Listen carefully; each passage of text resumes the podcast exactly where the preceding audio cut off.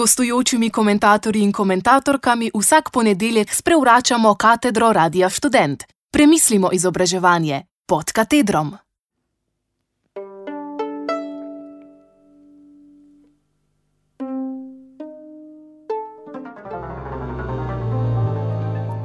Bolonija po slovensko.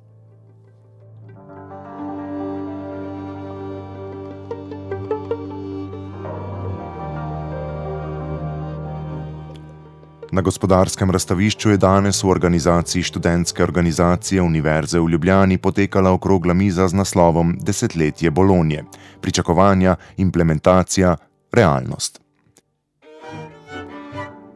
Govorniška ekipa je prišla z samega vrha odločevalske sfere. Svoje referate so predstavili prorektor Ljubljanske univerze Martin Čopič, predstavnik direktorata za visoko šolstvo Mirko Stopar, direktor Nakvisa Ivan Leban, nova ministrica Maja Makovec Brenčič, v drugem delu, ki smo ga za voljo pravočasne oddaje prispevka žal izpustili, pa ravno kar nastopajo še predstavnice CMEPIUSA, Zavoda za zaposlovanje in študentske organizacije Slovenije.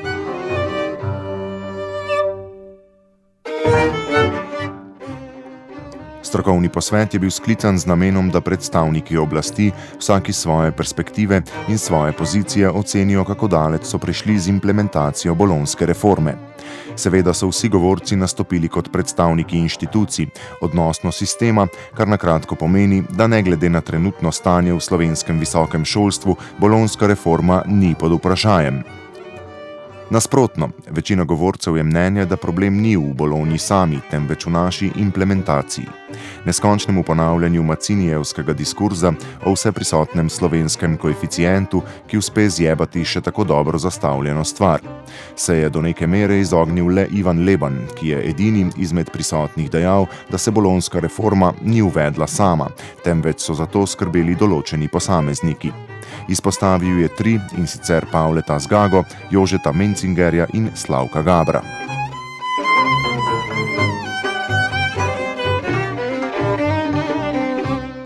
Ker vprašanje Bolonije same za goste nima smisla, ali kot je dejal prorektor Čopič, bolonsko prenovo imamo, rešujmo težave, se lahko posvetimo spremembam, ki jih je reforma prinesla.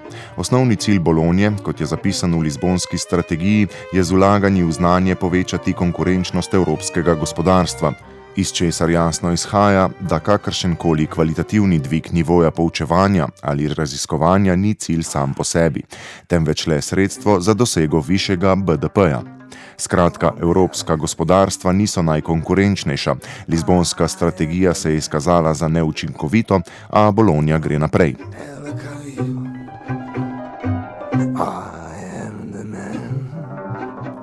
Drugi cilj, ki je še pomembnejši, je omogočiti mobilnost mladih. Ker gre za edino pozitivno spremembo, ki jo je Bolonija prinesla, so jo govorci izpostavljali kot človekovo pravico. Kaj si o mobilnosti misli ekipa na Lampeduzi, nismo uspeli izvedeti, smo pa spet poslušali o kroženju možganov.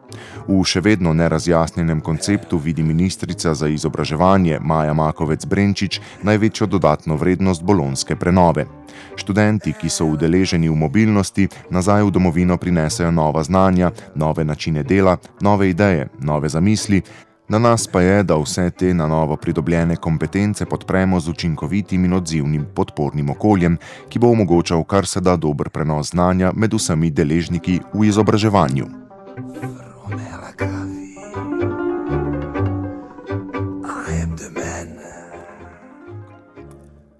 Karkoli že ravno kar slišano pomeni, ministrica na vprašanje, kako bo zagotovila denar za financiranje doktorskega študija, za poslovanje mladih doktorjev na fakultetah ali za napredovanja, ni imela odgovora. In ko smo že pri doktorskem študiju, pred vstopom v svetlo ero družbe znanja je v Sloveniji doktorski študij vsako leto upisalo približno 1100 študentov. V zadnjih letih je ta številka okoli 400.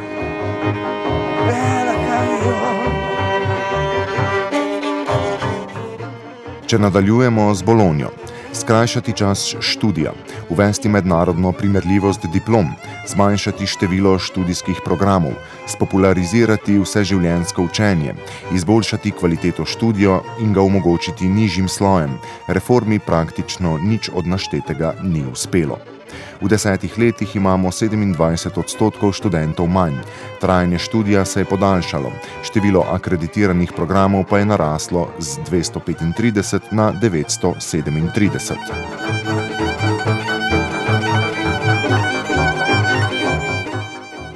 To vrstni problemi pa še vedno niso razlog, da bi vsaj razmislili o odpravi bolonskega sistema. Saj smo se po mnenju gostov na današnji okrogli mizi v tem času ogromno naučili in v prihodnje takih napak ne bo več. Vse skupaj je spominjalo na črpalkarja iz Republike Srpske, ki smo ga srečali na lanski poti po Bosni.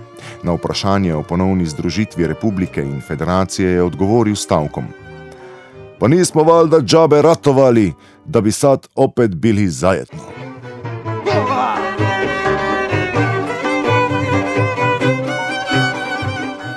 V neumnosti ustraja Arne.